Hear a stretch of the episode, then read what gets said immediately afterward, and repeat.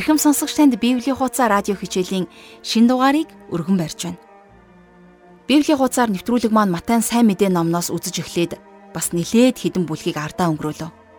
Жаргал агшийн хичээлийг сонсох бүр зөвхөн Есүсийн үед амьдарч байсан хүмүүс хатуу жигтэй байгаагүйг ойлгож байна.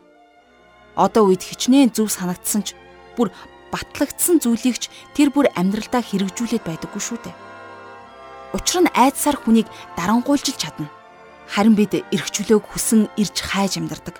Тиймээс сүүлийн хідэн бүлэг Есүсийг зөв номлож байгааг мэдсэн ч а өөрсдийн байр суурнасаа болоод эсэргүүцэж байгаа хүмүүсээр дүүрэн байна.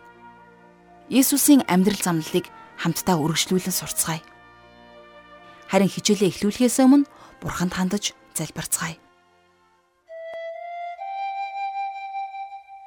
Бүхий л хүн төрлөختнийг хайрладаг эзэн бурхан минь Таны мотор одоо ч гэсэн бидэнтэй хамт байгаа учраас тань талархаж байна.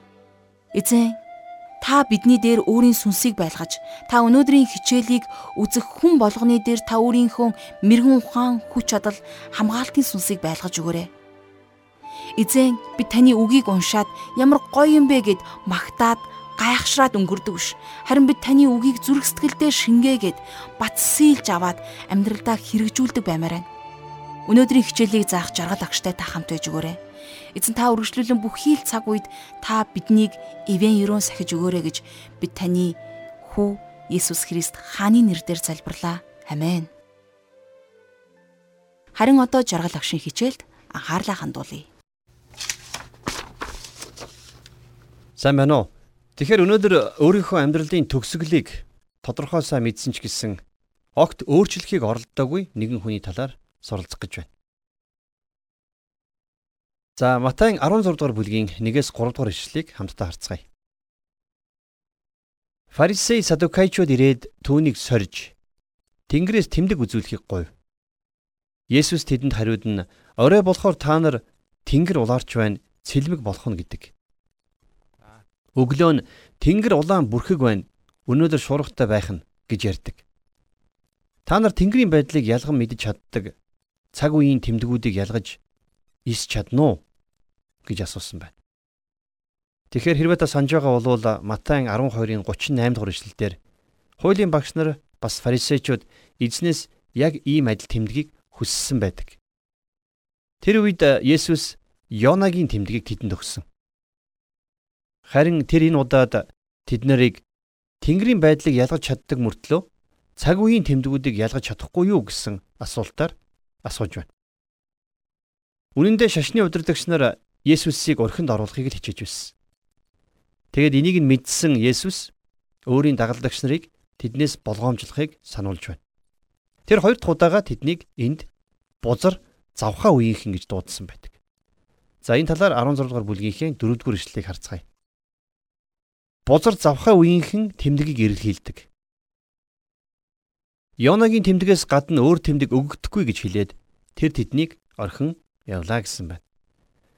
Тэгэхээр бидний эзэн Есүс тэдэнд олон тэмдгийг өгсөн. А гэхдээ тэд нар хүлээж авахыг хүсээгүй. Эдгээр фарисеучуд, садикеучуд энийг тэмдэг гэж хүлээн авахыг хүсээгүй гэсэн үг. Тэгэхээр энэ бүлэгт Есүсийн тухай гурван үндсэн үзэл санаа багтаж байдаг. За фарисеучуд болон садикеучуд Есүсийг месиа буюу аврагч гэдэгт битгий итэг гэж хэлсэн. За мөн олон түмэн тэрнийг баптизм хүртээгч Йохан, Илия, Иремая эсвэл өөр нэгэн зүнж гэж бодож байлаа.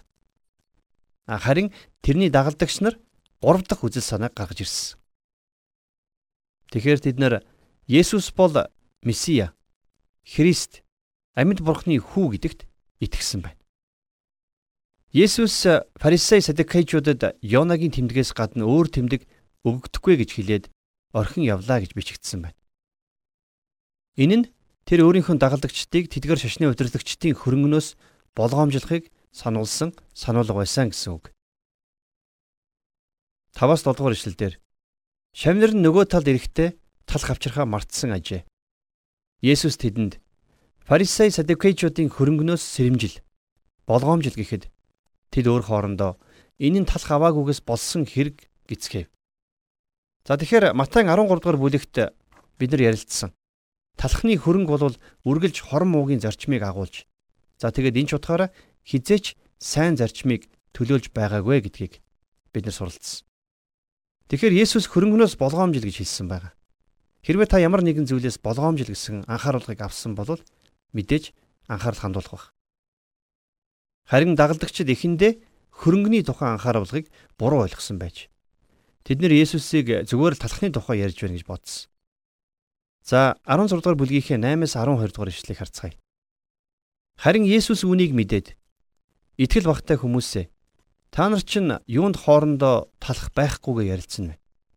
Одоо хүртэл та нар ойлгож санаж чадахгүй байгаа юм уу? Таван талхаар 50000 хүнийг хооллоход хичнээн сагс цуглуулсан билээ. Эсвэл долоон талхыг 4000 хүнд өгч хичнээн том сагс цуглуулснаа ч санахгүй байна уу? Би та нарт талхны тухай яриагүйг яагаад ойлгодгүй юм бэ?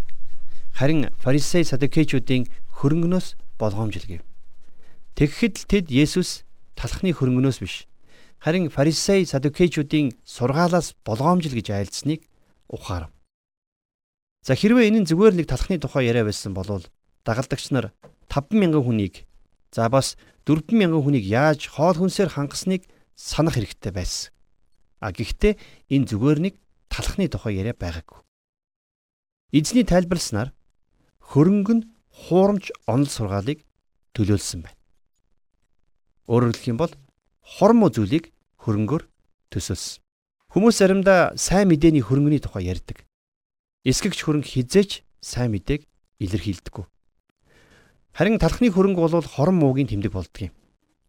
Хэрвээ та эзэн Есүс Христийг хүлээн авсанд бол хөрөнгө илэрхийлэгдэж байгаа бүх зүйлд нэг л ойлголттой байх ёстой гэсэн үг. За Матай номыг эхнээс нь эцсийн хүртэл судлахдаа энэ бол бүхэл бичээсийн түлхүүр сайн мэдээний ном гэсэн ойлголтод анхаарал тавих хэрэгтэй. Маш тодорхой ялгааг гаргаж за тэгээд болж байгаа үйл явдал болгоныг анхааралтай ажиглах хэрэгтэй.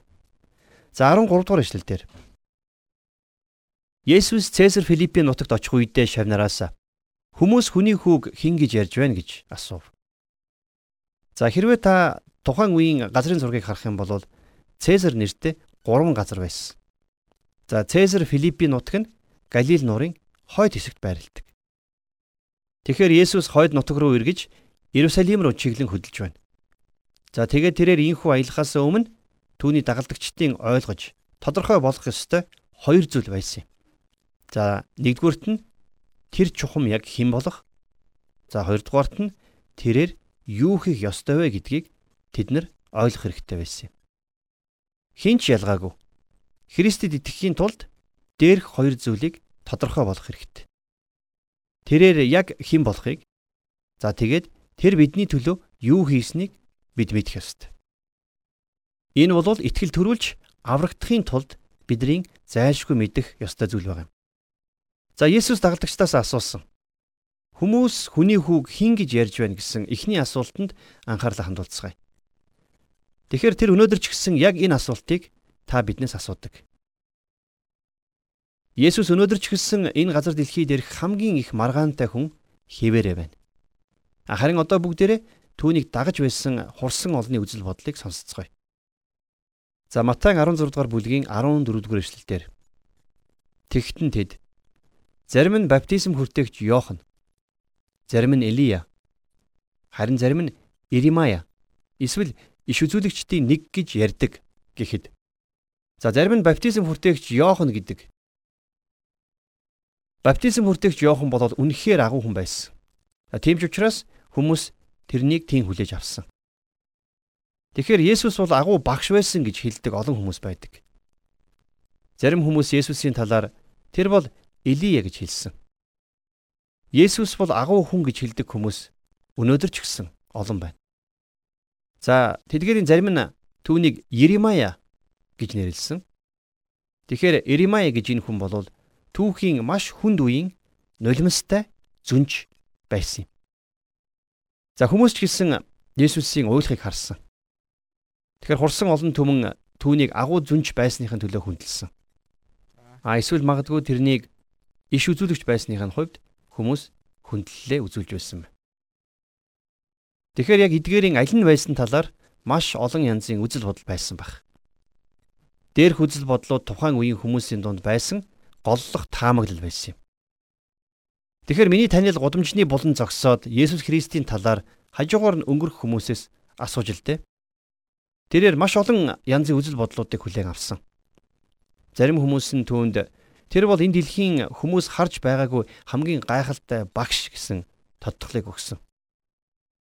Харин өөр нэг хүн тэр бол шашны үндэслэгч гэсэн тодтолыг өгсөн байна. Харин бас нэгэн хүн тэр сайн хүн байсан шүү гэж хэлсэн гин. За тэгэхээр энэ бүх хариултыг та харж байгаа биз? Харин одоо эзэн өөрийн сонгосон дагалдагч нараас асууж байна. За тэгээд Матай 16-гийн 16 дугаар эшлэлдэр тэдний нэг болох Симон Петр Та бол Христ амьд бурхны хүү гэв гэж үтсэн байна. За дагалдагч нар сонголт хийж итгэлээ тунхлах тийм цаг үе ирсэн байсан. Тэгэхээр Симон Петр бүх дагалдагч нарыг төлөөлөн энд ярьсан байна. Тэрээр хэлэхдээ та бол Христ Месиа тослогдсон нэгэн хуучин гэрээнд зөгнөгдөж байсан тэр зөгнөлийн биелэл мөн гэж хэлсэн гэсэн үг. За энэ бол хамгийн гайхалтай өчл баг юм. Өөрөөр хэлэх юм бол энэ өчл Есүст үзүүлж болох хамгийн өндөр хүндэтгэл байсан юм. За үүний хариуд Матай 16-гийн 17 дугаар эшлэлдэр Есүс түүнд хариуд нь Бариона Симоно чи ёроолтой юу? Учир нь үүнийг чамд мах цус нь биш. Харин Тэнгэр дэх миний эцэг илчилсэн юм гэж хэлсэн байна. Тэгэхээр зөвхөн ариун сүнс хүн бүрт Есүсийг танилцуулдаг. Ариун сүнсээр л биш бол хинч Есүсийг эзэн гэж дуудаж чадахгүй. Зөвхөн Бурхны сүнс Христийн бүх зүйлийг бидэнд илчилж чадна. Есүс хэлэхдээ учир нь үүнийг чамд мах цус нь биш гэж хэлсэн нь хүн хүнээсээ ихийг сурч чадахгүйг сануулж байгаа юм. Нэг хүн хэрвээ би Есүстэй 3 жил хамт байсан бол түүнийг илүү сайн мэдэх байсан гэж хэлхийг би өмнө сонсч байсан. Магадгүй та ч гэсэн адилхан бодолтой байж болох юм. Тэгэхээр та өнөөдөр ч гэсэн Есүсийг сайн мэдэх боломжтой. Ягд гэвэл Бурхны сүнс танд түүний бодит байдлыг харуулдаг юм. За 18 дугаар ишлэлдэр би чамд хэлий. Чи бол Петр. Энэ хадан дээр би өөрийн чуулганыг босгох бөгөөд түүнийг үхэгсдийн орны хаалга дийлэхгүй гэж хэлсэн байна. За хамтдаа энэ ишлэлийг маш анхааралтай ажиглацгаая. Яг ямар хадан дээр Есүс өөрийнхөө чуулганыг босгох юм бэ? Тэрээр Симон Петр дээр энийг босгосон гэж хэлдэг хүмүүс байдаг л да. Тэгэхээр мэдээж энэ нь Симон Петр биш гэдг нь тодорхой. Зарим хүмүүс Симон Петрийн хэлсэн итгэлийн үчил дээр Христ өөрийн чуулганыг барих болно гэж ойлгодог хүмүүс байдаг. Энэ бас л тийм биш. Тэгэхээр яг тэр хад нь хин юм бэ? Тэгэхээр хад бол Христ. Тэгэхээр итгэгч хүмүүсийн чуулган Христ дээр баригддаг. Симон Петр өөрөө энэ талаар тайлбарлсан тайлбарыг хожим нь өөрийнхөө бичсэн загтал дээр үлдээсэн байдаг. За тухайлах юм бол 1-р Петрийн 2-ын 4-т тэр Христийн талаар эзэн рүү ир. Тэр бол хүмүүст гологдсон боловч харин Бурхны өмнө сонгогдсон үнэт амьд чулуу билээ гэж хэлсэн байна. За тэрээр Исаягийн 28-ын 16-аас иш татан харахтун Би Сионд сонгогдсон булангийн үнэт чулууг тавина. Түүнд итгэгч хүн ичхүрт орохгүй гэж өөрийнхөө загтлын 2 дугаар бүлгийн 6 дугаар ишлэлдэр бичсэн байдаг. Тэгэхээр чуулган Христ дээр сүндэрлэн босгогддог юм. Тэр бол бат тавигдсан фундамент буюу суур гэсэн үг. Учир нь тавигдсан ганц суур болох Есүс Христээс өөр суурийг хинч тавьж чадахгүй гэж Паул Коринт хотынд бичсэн загтлынхаа 3-ын 11 дээр тэмдэглэн үлдээсэн байна. Есүс хэлэхдээ энэ чулуун дээр тэрээр өөрийнхөө чуулганыг барих болно гэж амласан. Тэгэхээр эдгээр өдрүүдийн нэгэнд эзэн маш сүр жавхлантайгаар Тэнгэрээс эргэж ирэх болно. Тэр их дуу чимээн тэрүүн тэнгэр элчийн дуу хоолой мэд бүрээн дуу байх болно. Тийм учраас үглийн орны хаалгач түүний чуулганыг дийлж чадахгүй. За энэ талаар 16 дугаар бүлгийн 19 дугаар эшлэлдэр би чамд Тэнгэрийн хаанчлалын түлхүүрийг өгнө. Чи газар дээр юг холбоно, тэр нь тэнгэрт холбогдно. Газар дээр юг тайлна, тэр нь тэнгэрт тайлагдах болно гэлээ. За энд гарч байгаа Тэнгэрийн хаанчлалын түлхүүр гэж юу вэ? А тэгээд энэ түлхүүрээ зөвхөн Симон Петрт өгсөн болов? Үгүй ээ. Есүс Петрийн адил итгэлийн өчлийг хэлсэн тэдгэр хүмүүст Христийг өөрийн аврагч гэж таньж мэдсэн хүлээн зөвшөөрсөн бүх хүмүүст тэр түлхүүрээ өгдөг. Хэрвээ та Бурхны хүүхэд болсон л бол бусдын адил тэр түлхүүрийг хүлээн авсан. Түлхүүр нь бичээсийг хүмүүс тайлбарладаг хуулийн багш нарын албаны эрх мэдлийн тэмдэг болдог байсан. Тэгэхээр энэ тухай Нихемай номын 8 дугаар бүлгээс харж болно. Тэгэхээр Христэд итгэгч хүмүүрт түлхүүр байдаг. Хэрвээ бид нэр үгийг далдлах юм бол газар дээр холбоно. Хэрвээ бид нар үгийг өгөх юм бол газар дээр юмс тайлагдах болно. Бусад итгэгч нарыг оролцуулахгүйгээр ямар ч хүн эсвэл бие даасан чуулган түлхүүрийг авах боломжгүй. Сайн мэдээг бусдад хуваалцаж тараах үүрэг хариуцлага итгэгч бидэнд байдаг юм. Ягд гэвэл хүмүүсийг аврах цорын ганц арга зам бол энэ. Энэ үнэхээр гайхалтай илчлэлт байгаа юм. За 16 дугаар бүлгийн 20 дугаар ишлэл дээрээс. Тэгээд тэр өөрийг нь Христ гэдгийг хүнд ч хэлэх ёсгүйг шавнартаа анхааруулв гэсэн байна. Тэгэхээр Есүсийн талаар маш хязгаарлагдмал мэдлэг таныг аврахгүй учраас эзэн магадгүй энэ шаардлагыг тавьсан баг. Авралыг авахын тулд та эхлээд Есүсийн яг чухам хэн болохыг нь за тэгээд таны төлөө тэр юу хийснийг мэдэх хэрэгтэй. Мэдээж Есүсийг хүн зөвхөн итгэлээр хүлээн авах боломжтой юм. Эзэн Есүс анх удаага дагалдагч нартай өөрийнхөө үхэл за тэгээд үхлээс амьлах амьлалтын тухай зарласан байна. Энэ нь тэрнийг цовдлохдохоос ойролцоогоор 6 сарын өмнө болсон явдал. Тэгэхээр Есүс яагаад ийм чухал зүйлийг хэлэлгүйгээр ийм удаан хүлээсэн юм болов? Учир нь яагаад гэвэл дагалдагчид нь энийг ойлгоход дэндүү эрт байлаа. Есүс Иерусалим руу үхэхээр явж байгаагаа 5 удаа давтаг хэлсэн байдаг. За Матай 17-гийн 12 дээр за 17-гийн 22-оос 23 за 20 дугаар бүлгийн 18-аас 19 за тэгээд 20 дугаар бүлгийн 28 дугаар ишлэл дээр Тэгэхээр маш гүн гүнзгий утга бүхий эдгээр үгсийг үл хайхарснасаа болоод дагалдагч нар тэрнийг дахин амьлах хүртэл гол ач холбогдлыг бүрэн дүүрэн ойлгоогүй байсан. За ингээд өөрт нь удахгүй ирэх гэж байгаа үхлийн тухай Есүс дараах ишлэлд ингэж хэлсэн байна. 21 дугаар ишлэл. Тэр цагаас эхлээд Есүс Христ чавнартаа өөрийн Иерусалим руу явах. Ахлагчид, ахлах тахилч нар, хуулийн багш нараас их зовлон амсах, алуулах, 3 дахь хоног дээр амьлах ёстойгоо илэрхийлж эхлэвэ гэсэн байна. За тэгэхээр энэ зүйл бол эзэн Есүсийн таны төлөө хийсэн зүйл баг юм. Бичээсийн дагуу Христ бидний нүглийн төлөө өгсөн. Тинхүү оршуулгадад харин 3 дахь өдрөө үхлээс дахин амьарсан. Тэгэхээр Есүс гэж үнэхээр хинбэ гэдгийг та мэдэх ёстой. За тэгээд дараагаар нь тэрээр үнэхээр таны төлөө юу хийснийг та мэдэх ёстой. Энэ бол сайн мэдээ байгаа юм. Хэрвээ та энэ хоёр зүйлийг мэдээд итгэлээрээ хүлээн авах юм бол аврагдах болно гэж Библиэд бичсэн байдаг. 22 дугаар эшлэлдэр Петр түүнийг татаж "Эзэн минь, таныг бурхан өршөг. Ийм юм танд хизээж тохиолдохгүй гэж зэмлэж эхэлсэнд. За Петрийн хэлсэн хамгийн гол зүйл нь бол та бол Месиа, амьд бурхны хүү гэж хэлсэн. А тэгээд дараагаар нь ийм юм танд хизээж тохиолдохгүй гэж хэлсэн байна. Есүс бидний өмнөөс зовно. Тэр бидний өмнөөс загалмай үүрнэ гэсэн энэ үнэн дагалдагчдын оюун санаанд огт байгаагүйг та эндээс харж болно. 23 дугаар эшлэлдэр Тэр эргэж Петрт Миний араас зайл сатана. Чи надад бүдрэг чулуу болж байна. Учир нь чи бурхны юмыг бус харин хүнийхийг л боддог гэлээ. За Есүс бидний гим нүглийн төлөө загалмай дээр цовдлогдсон нас барж оршуулгадсан. А тэгээд үхлээс дахин амьдсан юм. Энэ бол сайн мэдээний бодит үнэн байдал.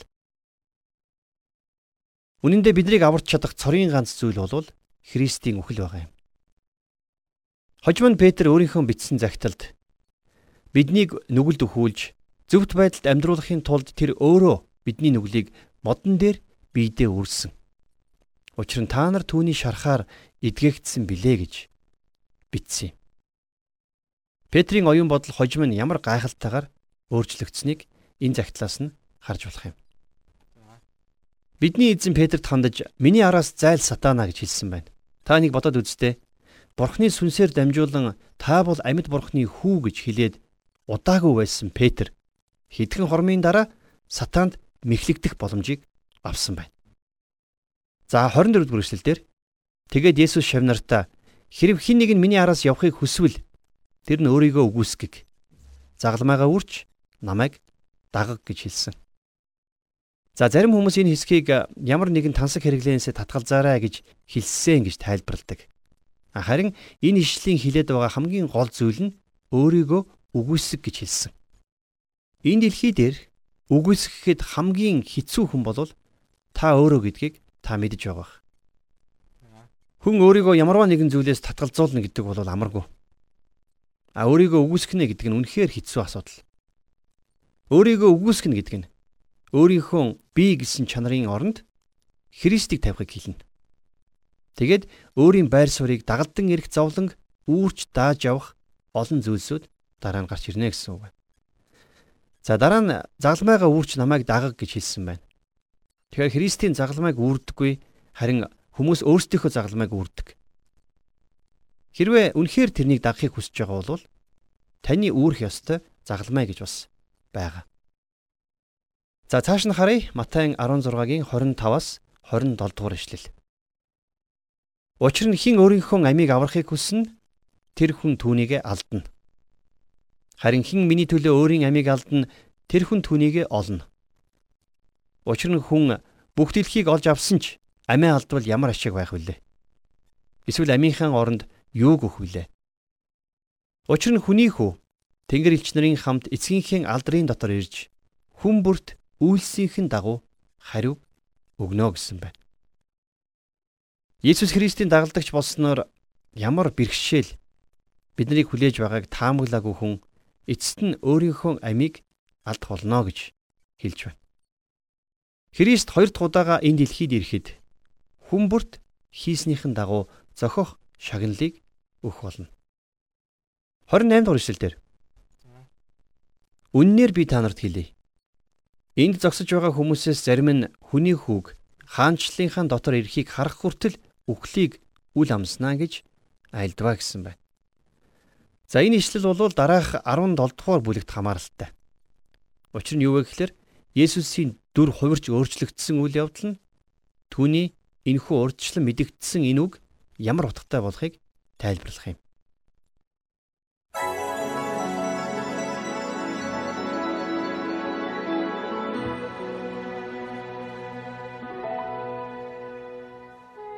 Тэгэхээр өнөөдрийн хичээл амьдралын сонголтын талаар нилээд гүнзгий бодогдууллаа. Бидний ихэнх маань мэрэгч төлөгч үзмөрчдөр очоод ирээдүйд яг юу болох вэ? Бид нэр ирээдүйд яаж амьдрах вэ гэж асуудаг шүү дээ. Харин Библи бидэнд хүн юу тарьсан түүнийг л хурааж авна гэж заадаг. Есүс эцгийнхээ хүслийн дагуу явснаар өөртөө юу тохиолдох вэ гэдгийг мэдсэн шиг одоогийнхоо амьдралыг үргэлжлүүлсээр байх юм бол хүн болгон ирээдүйд юу тохиолдохоо гадарлаж байгаа. Итгэл найдвар гэдэг бол сайн төгсчих байхаа гэсэн горилго биш шүү. Миний хувьд ч гэсэн сонсогч танд дараагийн нэвтрүүлгийг хүлээнгээ өөрийнхөө үүрэх ёстой зүйлийг үүрч чадж байна уу гэдгийг бодож үзээсэй гэж уриалж байна. Харин одоо нэвтрүүлгийн төгсгөлд эзэнт хамдаж хамтдаа залбирцгаая. Эзэн бурхан минь би таньдаа талархаж байна. Бидэнд сайн сайхан ирээдүйг бэлтгэсэнд баярлалаа. Таны өдрүүдийг хүртэл өнөөдрийн хүнд өдрүүдийг даван гарахад та бидэнд туслаарай. Та биднийг бас сэргийн шинчлээрэй. Таны хайр инрэл амьдралын хүнд хэцүү үеүүдэд итгэл найдвар болон бидэнд хүч чадлыг сойрхох болтугай. Бүхнийг танд өргөж Есүс Христ хааны нэрээр залбирлаа. Амен.